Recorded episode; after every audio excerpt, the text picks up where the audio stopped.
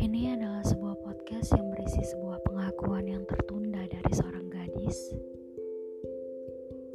yang menjadikan suara hatinya sekedar tulisan dan menjadikan sebuah tulisan itu sebagai pengakuan.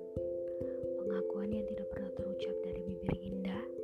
yang diciptakan oleh Sang Maha